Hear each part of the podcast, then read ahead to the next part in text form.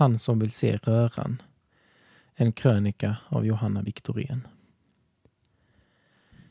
Jag vet inte hur det är i ditt hem, men när vi väntar gäster hemma råder det ofta, om inte alltid, en typ av städpanik i huset.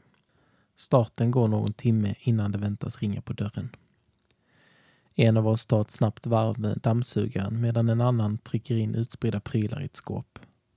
En ställer i ordning stolar, en puffar till kuddar medan ytterligare en stänger dörren till rummet vi inte hinner städa. I tro och hopp om att ingen ska vilja gå in just dit. När gästerna väl anländer ser det snyggt polerat och välstädat ut. Förhoppningsvis finns inga spår kvar av röran som nyss låg framme. Men nu gömmer sig bakom stängda dörrar. På samma sätt kan det vara i relationen med Gud.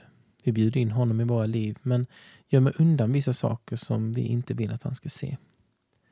Vi låter honom komma in och ta del av fler rum, flera händelser, tankar och känslor men hoppas också att han inte ska veta av vissa andra. Kanske skäms vi över röran.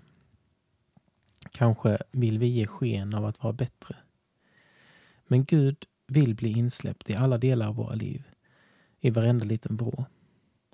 Han vill att vi kommer med allt till honom, stort som smått, rörigt som ordnat, smutsigt som rent. Våga ha en öppen och ärlig relation med Gud.